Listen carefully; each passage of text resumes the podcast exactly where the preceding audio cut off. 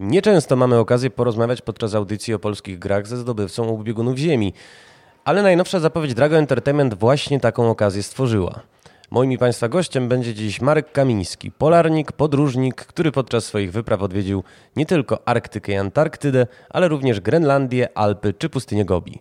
Ja nazywam się Mateusz Witczak, a to jest Polska w grze.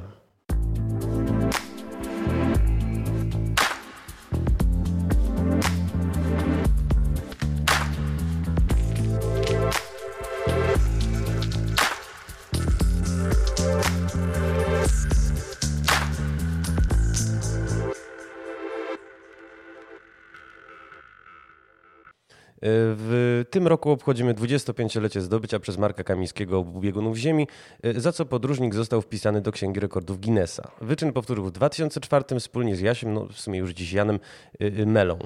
Moim gościem jest Marek Kamiński, polarnik, filozof, społecznik, biznesmen, pisarz i świeżo upieczony twórca gier. Dzień dobry, panie Marku. Witam, witam. Dzień dobry państwu. Y, panie Marku, ja zacznę od bardzo nietypowego pytania, y, aczkolwiek zasadnego przez wzgląd na Pana biografię. Y, gdzie Pan właściwie teraz jest? A teraz jestem w domu, w Gdyni, w Gdyni Orłowie dokładnie, nad całym morzem. Patrzę na drzewa, na 300-letnie sosny i, i też mój ogród. Także w, w domu w Polsce jest bardzo fajnie. Mm, a nie szkoda panu trochę wyprawy, jaką pan planował? Bo z tego co wiem, miał pan być teraz y, no, w podróży dookoła świata, zresztą ze sztuczną inteligencją na pokładzie. Sztuczna inteligencja jest tutaj przy mnie w domu, natomiast nie, podróży w ogóle nie żałuję, absolutnie, wręcz przeciwnie. W jakimś sensie jestem wdzięczny koronawirusowi. To jak czasami w życiu bywa, ja myślę, że czasami jesteśmy wdzięczni za jakieś porażki, które nas spotkały. Czy czasami nawet ludzie są wdzięczni za, za choroby, bo otwierają im oczy na inne rzeczy. Także ja jestem wdzięczny akurat w tym, w tym zakresie mm, mm, za ten czas koronawirusa, który zatrzymał mnie w domu, bo dzięki temu mogłem się skupić jakby na tym, co jest dla mnie najważniejsze. A najważniejsze nie jest wcale przemieszczanie się po świecie, przeżywanie nowych przygód, czy poznawanie mm, nowych ludzi, chociaż to też jest ważne oczywiście i to był mój rzeczywiście ważny projekt. W sumie dla mnie najważniejsze był, jest jednak w tej chwili to jest ta metoda biegun, jakby te myśli, idee, które udało mi się pracować przez całe życie. I dzięki temu, że trzymałem się właśnie w domu, e, mogłem skupić się na napisaniu książki, mogłem skupić się na opracowaniu tej metody biegun, mogłem skupić się jakby na tym, jak tą metodę na różnych platformach e, przekazywać ludziom. I właśnie jednym, jednym z jedną z takich platform jest e, książka, inną platformą są kursy w, w Marek Kamiński Academy na, e, na, w sieci internetowej, a jeszcze inną platformą są, mm, są gry. Stąd e, tak, bardzo się cieszę z tego, że jestem w domu i mogę się na tym skupić. Y, zatrzymajmy się na chwilę. Może byśmy w takim razie wytłumaczyli naszym słuchaczom, na czym w ogóle metoda biegun y, polega, i bo, jest to rzeczywiście pański y, autorski pomysł, no rozwijany już od lat, również, również na łamach książek. Gdyby pan był łaskaw przybliżyć co nieco jej założenia. Tak, ta metoda narodziła się podczas wyprawy z Jaśkiem Melą i to jest generalnie metoda osiągania celów motywacji, budowania własnej wartości i zmiany na lepsze. E, ta metoda składa się z pięciu kroków, aczkolwiek, e, no, tak jak teraz widzę po doświadczeniach, ponieważ uruchomiliśmy właśnie e, dwie platformy związane z tą metodą. Jedna platforma to jest Marek Kamiński Academy, to jest taka, taka platforma kursów, webinarów dla osób, które szukają samorozwoju i dla firm. I tam są właśnie kursy z motywacji, z planowania, z, z radzenia sobie z porażkami i z, z, osiągania celów. A z drugiej strony mamy taki, mm, e, mamy taki program dla młodzieży pod tytułem Life Plan Academy. To jest globalny program. Zresztą obydwa programy są globalne.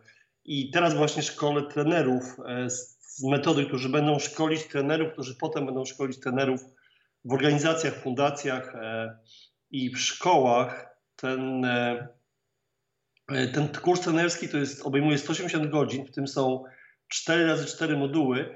I w sumie trenerzy właśnie, którzy w szkole, chociaż są to doświadczeni coachowie, oni stwierdzili jednak, że ten program jest wymagający, czasu jest mało i poprosili mnie o przełożenie egzaminu. Także chciałem tylko powiedzieć tyle, że ta metoda, która, e, e, która narodziła się prawie 20 lat temu, była doskonalona poprzez właśnie moje szkolenia, studia na SWPS-ie i różne e, szkolenia też dla firm, w których brałem udział. W tej chwili jest taką kompleksową metodą e, osiągania celów, właśnie motywacji, budowania własnej wartości, radzenia sobie ze strachem i nie poddawania się porażkom. Obejmuje wiele tematów, jest wiele kursów. E, te pięć kroków to jest taki fundament metody. To jest e, odkryć swój biegun, mapa drogi. E, droga jest ważna, nie cel. Dwa bieguny, czyli sukces i porażka i poznaj samego siebie. Oprócz tego są jeszcze fundamenty, czyli rytuały, praktyki i zasady oraz ścieżki, którymi można potem rozwijać się w tej metodzie.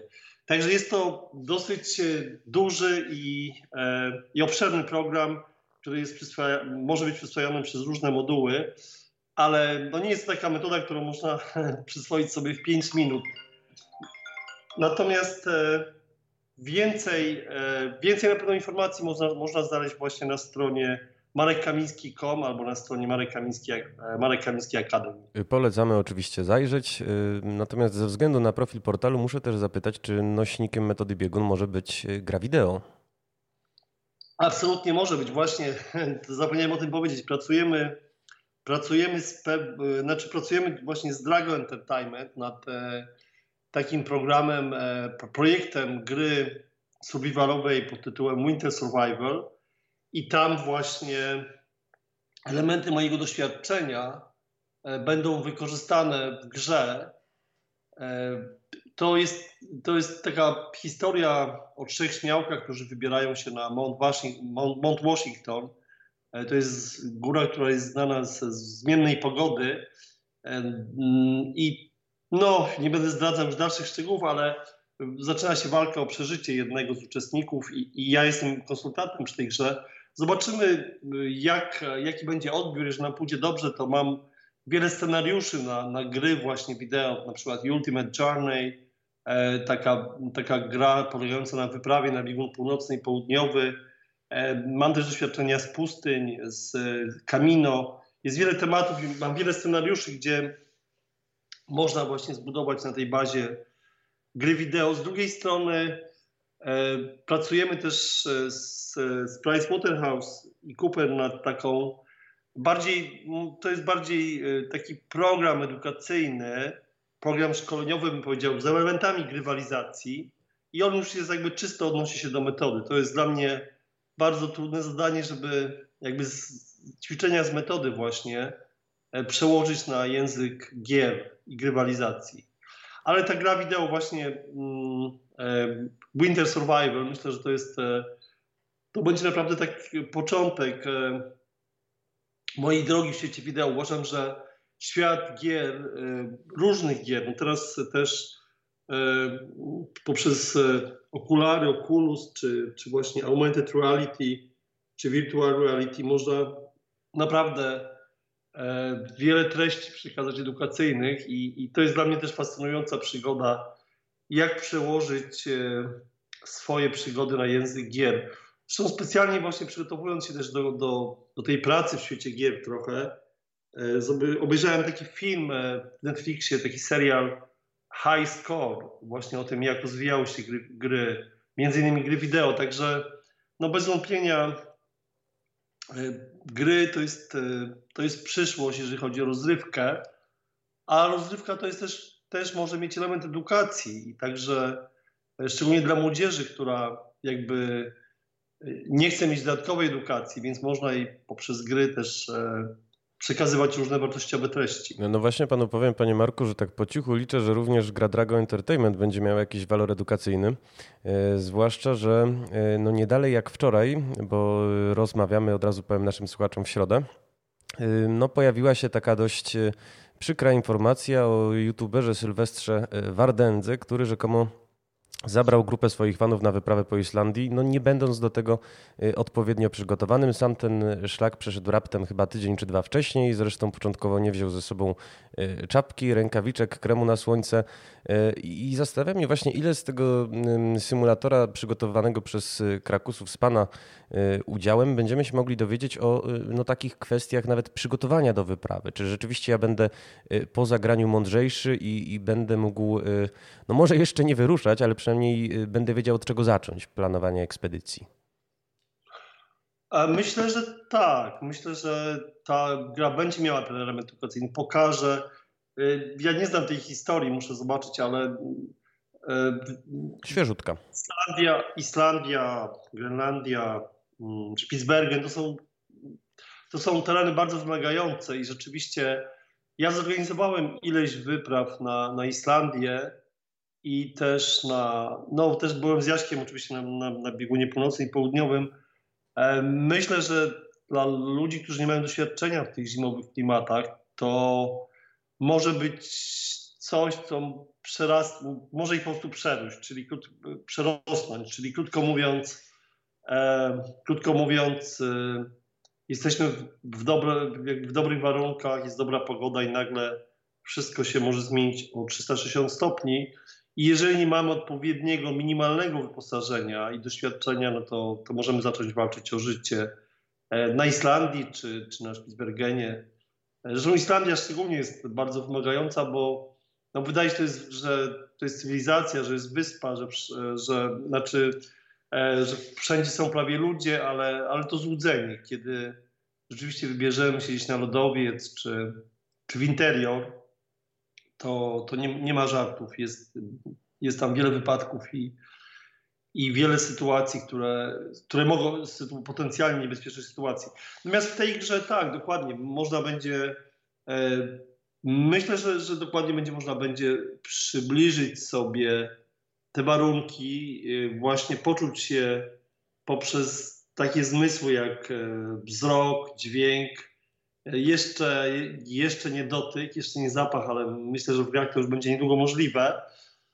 Widziałem że takie, byłem kiedyś w Japonii, widziałem takie symulatory, e, potencjalnie przy pomocy których w przyszłości będzie można zrobić spinaczkę na Everest. Łącznie jest właśnie z, tym, z odczuciem temperatury, wiatru i, i wszystkich innych rzeczy w takich warunkach e, bezpiecznych. Ale wracając do naszej gry, to tak, jak najbardziej po przejściu takiej gry mam nadzieję, że, że uczest, użytkownik, uczestnik będzie, będzie bardziej doświadczony i, i będzie sobie zdawał sprawę z tego, jakby, jak się powinien przygotować do, do wędrówki w nieznane, a szczególnie kiedy, kiedy jest zimno i kiedy temperatura może się w każdej chwili zmienić. Więc nad tym będziemy z Krakusami, jak pan powiedział, pracować. No jako również, ja wiem, że kolokwialnie, natomiast sam jestem Krakusem, więc y, ja. czuję taką solidarność z, z mieszkańcami tego pięknego miasta. Tak, ja też mam wielu przyjaciół w Krakowie, chętnie tam jeżdżę i, i dla mnie to jest, po, po Trójmieście to jest w tej chwili takie drugie miasto w Polsce, gdzie, gdzie najczęściej jestem, jak jestem w Polsce, w Krakowie albo w Zakopanem. Natomiast y, tak, wydaje mi się, że ta gra y, będzie miała te elementy i, i będzie dobrym takim test drive'em po prostu na przyszłość, e, e, co robić dalej. E, co robić dalej w sensie rozwoju, jak, jak, jak najbardziej zbliżyć uczestnika do tych naturalnych warunków i jak najbardziej pozwolić mu przeżyć prawdziwą przygodę i nauczyć się z tej przygody, bo, bo wydaje mi się, że znaczy dla mnie dlatego wyprawy są ważne, że one mnie czegoś uczą. Nie dlatego, że ja jestem na Islandii czy na Grenlandii, tylko, tylko że czegoś dowiaduję o siebie i coś wynoszę z tego na przyszłość. I taki dla mnie jest też sens tworzenia gier. I taki dla mnie jest też sens jakby podróżowania stąd to, że teraz jestem tu na miejscu i mogę się równie dużo, wiele rzeczy uczyć, wiele rzeczy uczyć jak przy podróży, to, to powoduje, że, że nie czuję żadnej straty. Bo dla mnie najważniejsza jest ta podróż wewnętrzna i myślę, że gry, dobrze, dobre gry, e, nie, nie takie jakby bardzo proste gry, ale właśnie dobre edukacyjne, dobre edukacyjne czy, czy survivalowe, czy dobrze skonstruowane gry z dobrą fabułą e, są w stanie no, wiele człowieka nauczyć. Ale na pewno jest też e, kilka kwestii, których gry nie oddadzą, bo no, proszę wybaczyć, ale niezależnie od tego, czy miałbym e, jakiś sprzęt, który umożliwiałby, no, no właśnie, stymulację mojego węchu, czy miałbym okulary rzeczywistości wirtualnej, czy korzystałbym z technologii AR, to nie wyobrażam sobie takiego uczucia samotności, jakie mm, tak domniemuję musiało panu towarzyszyć, czy podczas wyprawy na Antarktykę, czy Arktykę, czy, czy też pustynię Gobi. No to tutaj bym polemizował. Ciekawe, gdyby to była taka gra, która by polegała na tym, żeby się odciąć na tydzień na przykład. Że, że warunkiem uczestnictwa w grze jest to, że jesteśmy sami przez tydzień, tak? I, i jakby gramy, ale no to byłaby całkiem inna gra oczywiście. Taka nie chodziłoby o grę o tym, żeby cały czas przy ekranie. Bardziej gra było, jakby miałaby prowadzić ten nastrój i można by sobie wyobrazić, że człowiek... Ja pamiętam, że mm, kiedyś widziałem taką sztukę, gdzie właśnie dwóch, sztukę teatralną, gdzie dwóch mhm. Norwegów udaje, że idą na biegun północny, tak jak Johansen i Nansen, mm, norwescy polarnicy i zamykają się w pustym pokoju, tam mają liny, namiot i, i udają po prostu jakby tą sytuację. Więc no nie wiem na ile można zbliżyć jakby grę do rzeczywistości, ale można by sobie wyobrazić taką bardzo realistyczną grę. Oczywiście, tak jak mówię, no, nie wyobrażam sobie, żeby być cały czas e, jakby przy komputerze, bo to byłby absurd, ale, ale to, to akurat jest do, do uzyskania w normalnych warunkach, pod warunkiem, że jakoś się odizolujemy po prostu, albo w pokoju, albo, albo w, e, w jakiejś chatce. E, więc taka gra, to jest, to jest pytanie, jak to zrobić, ale Wydaje mi się, że to jest możliwe, jakby też to uczuć. Oczywiście ja byłem 66, 60 dni sam, czy, czy 70 dni. To było trochę inaczej. E, natomiast e, tak, taką podróż akurat można zrobić, tą samotną podróż, bez gry może nawet, chociaż gra może nas wchodzić. Ale wydaje mi się, że dużo ważniejsze jest to, żeby pokazać człowiekowi, że. Bo nam się wydaje, że taka Islandia, czy na przykład biegun jest pustką, prawda? Natomiast e, pustka jest pełnią, czyli ta pustka może wykreować miliony sytuacji, z których sobie, jeżeli nie zdajemy sobie sprawy przedtem, no to po prostu jesteśmy do nich nieprzygotowani i, i możemy zginąć. To może być na przykład niedźwiedź polarny, to może być e, lód, który pęka i wpadamy do wody, a dno jest 4 km niżej. To może być minus 70 stopni. Więc to jest niesamowite, że, że właśnie dla mnie pustka jest pełnią. To było takie niesamowite odkrycie dla mnie przy wyprawach na bieguny, że pustka jest pełnią, czyli że tak jak ludzie myślą, że jak się idzie na biegun, to jest nudno, bo jest tylko biało, zimno, nic nie ma, to jest komplet, kompletnie no, nieprawdziwy obraz. Czasami nudno jest e, właśnie w cywilizacji, kiedy wszystko jest powtarzalne, kiedy jakby nic się nie dzieje, bo najważniejsze jest też jakby to, co się dzieje w naszym umyśle tak naprawdę. Świat zewnętrzny jest e, tylko projekcją naszego umysłu. Jakbyśmy wzięli dwóch ludzi, którzy są w jednym pokoju, takich samych, to oni będą mieli w swoich umysłach dwa różne światy, mimo tego, że są w tym samym pokoju. Także zmierzam do tego, że, że tak, gra może jakby dać bodziec do tego, żeby, żeby, żeby przeżyć wewnętrzną tą podróż bardzo platońskie, nawiasem mówiąc, e, ale wróciłbym do tego norweskiego teatru, bo wspomniał Pan, że to jest. Yy, akcja... Platońskie może, nie do, może też, ale, ale też bardzo Schopenhauerowskie, bo Schopenhauer napisał taką książkę pod tytułem Świat jako wola i wyobrażenie. Ale też współczesna fizyka mówi o tym, że to jest bardzo, bardzo taki tak naprawdę realny obraz świata, bo może się wydawać, że jestem filozofem, to gdzieś tam jest, żyje w świecie idei, ale tak naprawdę to idee kształtują ten świat, e, a nie fakty, bo, bo czystej rzeczywistości jako takiej nie ma. Ale właśnie nawet współczesna fizyka mówi o tym, że jakby obserwator w jakimś sensie kreuje obraz, nawet zakłócając go. Obecność obserwatora zakłóca rzeczywistość jakby, więc jakby można powiedzieć, że akt obserwowania, czyli to, że jesteśmy, powoduje, że w jakimś sensie współkreujemy rzeczywistość. Tak na marginesie, żeby, żeby nie, nie, nie, nie sięgać aż do Platona, Aczkolwiek, no tak, od Platona może niewiele się zmieniło pod tym względem. To prawda. To zapytam pana jako filozofa, troszkę żeglujemy, natomiast no, wiedziałem, że z Markiem Kamińskim się trzeba w podróż wyprawić. Czy pana nie przeraża, bo y, ma pan koło siebie, jak pan wspomniał, sztuczną inteligencję. Y, czy no, jej rozwój, czy to, co się dzieje w temacie uczenia maszynowego teraz y, pana nie przeraża, no bo przestrzegali przed tym i Stephen Hawking i nie tak znowu dawno Harari przecież. Nie wiem, mi się wydaje, że jak widzę ocean i widzę, że ten ocean e, czasami jest spokojny, ale przychodzi sztorm, prawda? I są duże fale, to pytanie, czy to, czy to może przerażać? E, na pewno może, ale czy możemy to zmienić? Czy jak, jak pomyślimy, czy możemy zatrzymać te fale, czy możemy na przykład zatrzymać płynącą rzekę? E, wydaje mi się, że nie, więc jakby to jest dla mnie to jest jakby wtórna całkiem rzecz, czy mnie to przeraża, czy nie. Bardziej podstawową rzeczą jest, co mogę z tym zrobić, jakby co powinienem zrobić w związku z tym. I to jest dla mnie jakby taki, taki e, pierwszy plan. A co a powinniśmy plan, zrobić? O, dobrze, przepraszam, przerwałem. Tak, a drugi plan, jakby, czy mnie przeraża? Lecz rozwój świata mnie nie przeraża. E, gdybym teraz na przykład żył w czasach, e, nie wiem, II wojny światowej. Mieszkam w Gdyni, właśnie czasami myślę, że teraz jest wrzesień, październik. E, właśnie w 1939 roku Polska została za, zajęta przez Niemcy. Jakbym się czasami tak próbuję sobie wyobrazić, jakbym się czuł w, w, tam, w tych okolicznościach, jak, co bym robił. I, i, i to jakby to podobnie jest z tym, co ma nadejść. Jakby jeżeli jesteśmy w jakiejś rzeczywistości i, i jako ludzie możemy z nią coś zrobić, ale nie możemy powiedzieć, że niech nie będzie wojny, prawda? Jej nie będzie, albo niech nie będzie sztucznej inteligencji, się ona nie rozwija. Tak, tak, tak mi się wydaje. Także dla mnie to jest jakby taki bardziej drugi plan, e, to przerażenie, jak pan nazwał, czy strach, chociaż mnie akurat nie przeraża, bo, bo, bo rozwój świata nie przeraża mnie. Natomiast e, bardziej ważny jest to w jakim kierunku ta sztuczna inteligencja pójdzie i, i co z nią możemy zrobić.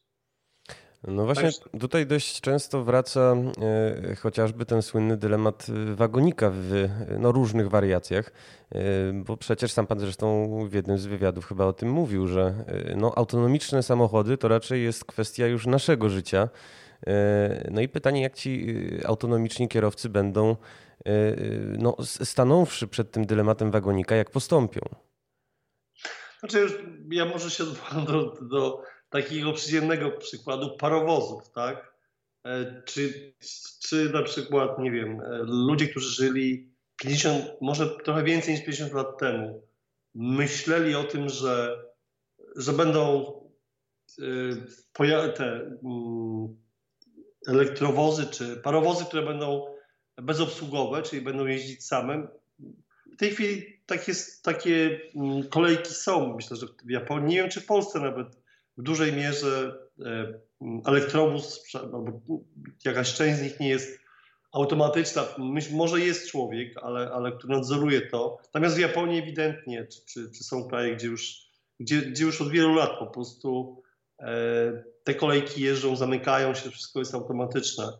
Więc e, mm, wydaje mi się, że człowiek jest jednak, jeżeli chodzi o różne sytuacje, bardziej zawodny niż maszyna. Znaczy, krótko mówiąc, e, abstrahując od tego konkretnego przypadku, o którym Pan mówi, e, takiej skrajnej sytuacji, bo wczoraj akurat miałem taki, taką fajną rozmowę z moim przyjacielem, lekarzem, który mówił mi o mikrośmierciach i mikrożyciach.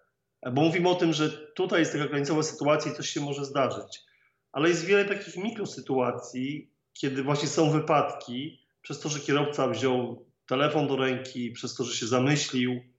I, i tutaj myślę, że klucz jest do tego, żeby patrzeć na, jakby na, na problem statystycznie, czyli e, przez pryzmat e, właśnie e, całego ruchu drogowego, a nie tylko przez pryzmat jednej sytuacji, którą też myślę można rozwiązać. Więc ja bym ja bym się nie skupiał na, na jednej końcowej sytuacji, którą, którą e, pewnie można rozwiązać, natomiast pomyślałbym o tym, ile wypadków się dzieje po prostu w takich mikrosytuacjach, nie krańcowych. Nie to, że mamy do wyboru, czy zjechać, czy, czy uderzyć w coś, tylko po prostu ja wczoraj miałem dwie takie sytuacje sam, bo po prostu akurat nie zauważyłem samochodu, który wyjeżdżał z prawej strony i, i gdybym nie był jakoś no, doświadczonym kierowcą, to, to nie wiem, jakby to się potoczyło.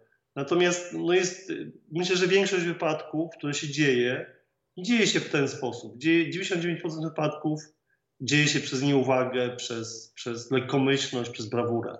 I tu akurat sztuczna inteligencja, przy pomocy sztucznej inteligencji możemy to i tych autonomicznych systemów kierowania możemy to wyeliminować, więc, e, więc e, mm, wydaje mi się, że, że absolutnie to jest przyszłość i wtedy wypadków będzie na pewno na pewno mniej, dużo mniej, nie wiem, połowę, może będzie 10% wypadków, może 1% tylko tych, które są teraz.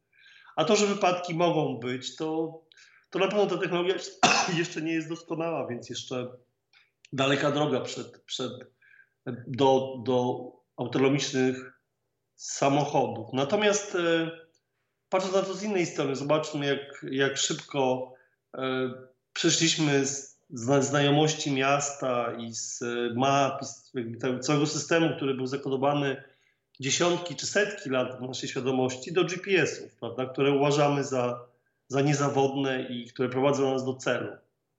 No właśnie o to chciałem w sumie dopytać, bo y, może w takim razie odwróćmy nomen omen biegun. To znaczy, y, jasne, być może y, rozwój, automatyzacja, rozwój sztucznej inteligencji przyczyni się do tego, że będziemy żyć no wręcz bardziej bezwypadkowo. Tylko pytanie, czy właśnie człowiek... To, to...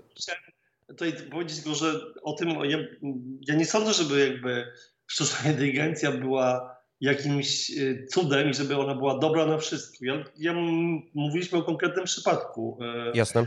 Samochodów elektrycznych. Także e, wydaje mi się, że mm, cały czas mówimy o, te, o sztucznej inteligencji, która ma wspomagać człowieka, a być może kiedyś go przerośnie i, i na to nie mamy wpływu, bo nie jesteśmy no, panami wszechświata. Może mieliśmy takie złudzenie, czy mamy takie złudzenie, że my kontrolujemy rzeczywistość, że, że jesteśmy epicentrum tego świata, że jak się pojawi e, ktoś, kto jest e, bardziej rozwinięty od nas, to jest koniec ludzkości. Bo przecież żyjemy w takim łańcuchu. Jesteśmy teraz na górze tego łańcucha, więc e, może się martwimy, że patrząc jak traktujemy właśnie te istoty, które są niżej, mimo że jest wielu takich, którzy nawołują do tego, żeby żeby jednak traktować to właśnie jako życie, a nie jako, jako coś, co jest e, jakby naszą własnością tylko i wyłącznie. Więc może się martwimy, że te wyższe istoty będą nas tak traktowały, jak my traktujemy innych słabszych. Natomiast no, no wydaje mi się, że złudzeniem byłoby takie założenie, że taka hierarchia jest dana nam na wieczność i już nigdy nie pojawi się E, nic, co jest e, doskonalsze, lepsze niż my. A nie ma pan wrażenia, że trochę z tym rozwojem nowych technologii sami na siebie bicz kręcimy albo sami się degenerujemy? No bo nie jest tajemnicą, pan teraz tutaj przykład GPS-a wskazał, e, że no my poznawcze jesteśmy coraz mniej Mm, coraz mamy mniejsze możliwości poznawcze. O ile rzeczywiście kiedyś y, potrafiliśmy poruszać się po mieście bez y, Google Mapsów, no bo to był jakiś abstrakcyjny koncept, no to teraz już y, nie do końca. Tacy się stajemy trochę jak, jak ulema, którego wiem, że pan jest czytelnikiem i wiem, że pan poznał. No, osamotnieni, coraz bardziej uzależnieni od tej nowej technologii. Czy to nie jest jakiś taki minorowy właściwie kierunek dla nas jako gatunku? No to wtedy będąc konsekwentni musielibyśmy się cofnąć do jaskiń, bo każdy postęp jakby rozwoju człowieka od tego życia e, powiedzmy od człowieka jaskiniowego, to, to było coś, co nam ułatwiało życie, czyli nie, musi, nie, musi, nie musieliśmy polować, prawda? nie musieliśmy umierać z głodu, tylko zaczęliśmy, nie wiem, uprawiać rolę, siać, yy, siać, zbierać, orać Potem zamiast orać ręcznie, to, to, to mieliśmy konia, który e, nam orał. Potem zamiast koni, zamiast jeździć konno, pojawiły się samochody, więc każdy, no jakby jak wysportowani bardziej byli ludzie, kiedy jeździli konno. prawda, przesiadka na samochody już nas zdegenerowała w jakimś sensie. Więc jakby myśląc tym tropem rozumowania, no to musielibyśmy się cofnąć y, gdzieś dalej, po prostu nie zatrzymywać. Czemu, czemu zatrzymywać się jakby w tej chwili, nie? To będąc konsekwentnym, e, więc, więc to chyba nie jest tutaj problem. Problem jest raczej w tym, jakby co możemy zrobić y, ze swoimi umiejętnościami, kiedy takie rzeczy, które są mechaniczne, e, może robić ktoś inny, e, a, a my możemy ten czas poświęcić na, na rozwój. Wydaje mi się, że pojawienie się technologii, chociażby no, siły elektrycznej, tak, elektryczności spowodowało, że standard wielu ludzi się bardzo po, polepszył i że ludzie mieli czas na to, żeby jakby zająć się też innymi rzeczami, więc tutaj bym w ten sposób na to nie patrzył, że E, że technologia nas jakoś degeneruje. Ja, ja, ja, tego nie odczuwam. Tak. No ale ten, ten, ten, rozwój też jest przecież w wymiarze fizycznym. To nie jest tak, że y, to, że nie jesteśmy już w czasach jaskiniowych i że nie zdobywamy pożywienia, nie jeździmy na koniach, y, y, nas rozleniwił zupełnie. No teraz wręcz w etos wyższej klasy średniej jest wpisana siłownia, jest wpisana zdrowa dieta, która przecież też przyczyniła się do tego, że żyjemy dużo dłużej niż nasi Y, dziadowie czy pradziadowie, którzy cierpieli przecież jeszcze y, no, z głodu? Po pierwsze mamy zawsze wybór, możemy jeździć do pracy rowerem, prawda, nie samochodem, bez GPS-u.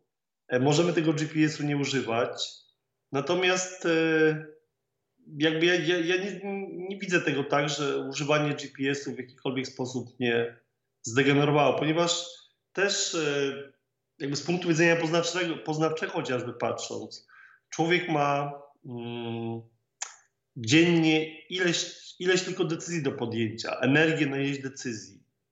I jeżeli na przykład wykorzysta tą energię, to już, to już nie ma energii, żeby podejmować inne. Więc e, jeżeli podejmie, podejmie ileś decyzji właśnie, czy jechać tą drogą, czy tamtą, czy tutaj, czy tam, to nie będzie mógł tych decyzji podjąć na przykład odnośnie tego, czy zająć się rodziną, czy e, czy zająć się jakimś projektem, czy zainwestować 100 zł, czy 1000 zł, czy milion złotych, coś innego, więc e, mi się wydaje, że człowiek jest e, jednak dosyć skomplikowanym organizmem i dużym uproszczeniem byłoby przypuszczanie, że rozwój technologii nas degeneruje. Może, jeżeli tak jak, tak jak, tak jak wiele innych rzeczy, używki, tryb życia. Mm, ale według mnie mm, to technologia raczej pozwala człowiekowi żyć pełniej i, i bardziej doświadczać tego świata. Ale ostateczny wybór oczywiście jest bardzo indywidualną sprawą, więc jeżeli, e, jeżeli tylko skupimy się na tym, żeby robić jak najmniej, to, się zdegenerujemy, to oczywiste. No, trudno nie zwrócić uwagi, że pan robi jak najwięcej. Natomiast w związku jeszcze z tym nowym polem aktywności, do którego e, chciałem na chwilę wrócić, jak wyglądają e, konsultacje z zespołem Drago? E, czy, czy pan już jest po takich konsultacjach, czy dopiero są one w planach? Tak, mieliśmy, mieliśmy pierwsze spotkanie z zespołem Drago i rozmawialiśmy właśnie o takich szczegółach technicznych, o scenariuszu gry. Także, także konsultacje trwają i i, i sytuacja jest rozwojowa, bym tak powiedział. Czyli możemy potwierdzić naszym słuchaczom, że to nie jest tak, że Marek Kamiński się po prostu podpisał pod tytułem, tylko rzeczywiście wniesie swoje doświadczenia wieloletnie podróżnicze. Nie, nie, oczywiście, że tak. No ja mam wiele jednak e, materiałów, wiele książek, wiele doświadczeń. Zresztą, e, zresztą myślałem nawet o napisaniu takiej książki Survival by Marek Kamiński, I, I na pewno ta wiedza moja jest, e, jest dosyć szeroka jednak, bo była, bo w tych wyprawach polarnych no, to było wiele wypraw, nie tylko biegun północny i południowy samotnie czy z Jaśkiem, ale też to była właśnie, to była Grenlandia dwa razy, to był Spitsbergen, to była najwyższa góra Grenlandii, to była najwyższa góra Antarktydy, to były spinaczki i w różnych górach świata. Więc tych doświadczeń z zimnem naprawdę mam e, jakby 360 stopni, bym powiedział. E, I, i rzeczywiście mam się czym podzielić. I gra jest jakbyś no, fa bardzo fajnym, fajną platformą do tego. No jest wiele takich sytuacji, z których no, ludzie sobie nie zdają sprawy. Podam taki no, prosty przykład. E, ostatnio właśnie e, byłem, byłem, byłem w Krakowie, zresztą nomen omen na, miałem wykład i właśnie ktoś, kto robi, kto robi wyprawy takie zdjęciowe, e, poprosił mnie o radę, jak, jak jak sobie nie, odmra nie, odmrażać, nie odmrażać nóg, jak zrobić tak, żeby jak jest zimno przed na Islandii czy na Grenlandii, żeby, żeby, nogi, żeby w nogi nie było zimno, krótko mówiąc. I to jest myślę tutaj pewnie taki problem wielu, wielu słuchaczy. Więc jest I prowadzącego, od razu dopowiem. I prowadzącego od razu dopowiem, również jest to problem, także... Przykład właśnie jak, jak, jak, jak ważne są szczegóły i ta wiedza, to, to oczywiście dla mnie to jest jeden z tysięcy przykładów takich, którym, którymi się mogę podzielić, ale wracając do tego przykładu, to jest oczywiście, jak jesteśmy w mieście, to nie ma problemu. Po prostu jest chwilę zimno, potem wchodzimy do ciepła i, i w ogóle takich rzeczy, których mówię, nie trzeba stosować.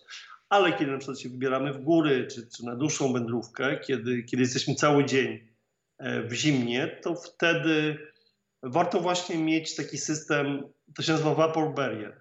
On jest bardzo prosty, każdy może go stosować. E, w każdych warunkach. To znaczy bierze się najpierw cienką skarpetkę, na to się na, nakłada, wystarczy zwykły worek foliowy. Są też takie specjalne skarpety Vapor Barrier, ale chodzi o worek foliowy, który nie przepuszcza potu. Tak? I na to dopiero grubą skarpetę. w ten sposób e, pot, który normalnie mamy w stopach, on, on, po prostu nie przechodzi do buta, nie przechodzi do, do grubej skarpety i, i noga jest no, mniej więcej cały czas w cieple.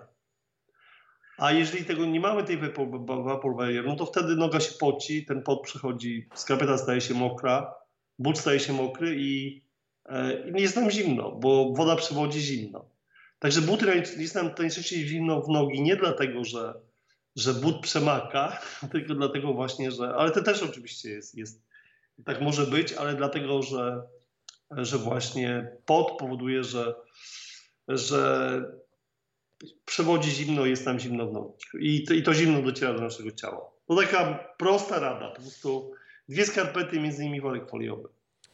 Wie pan, że na pewno zapamiętam z naszej rozmowy między innymi tę prostą e, radę. Natomiast na koniec chciałem zapytać e, tak trochę przekornie, e, jak ja, jako, no mówiąc kolokwialnie, 29-letnia leniwa buła, miałbym się, no, bez kondycji zupełnie, miałbym się y, przygotować na jakąś y, wędrówkę kondycyjnie?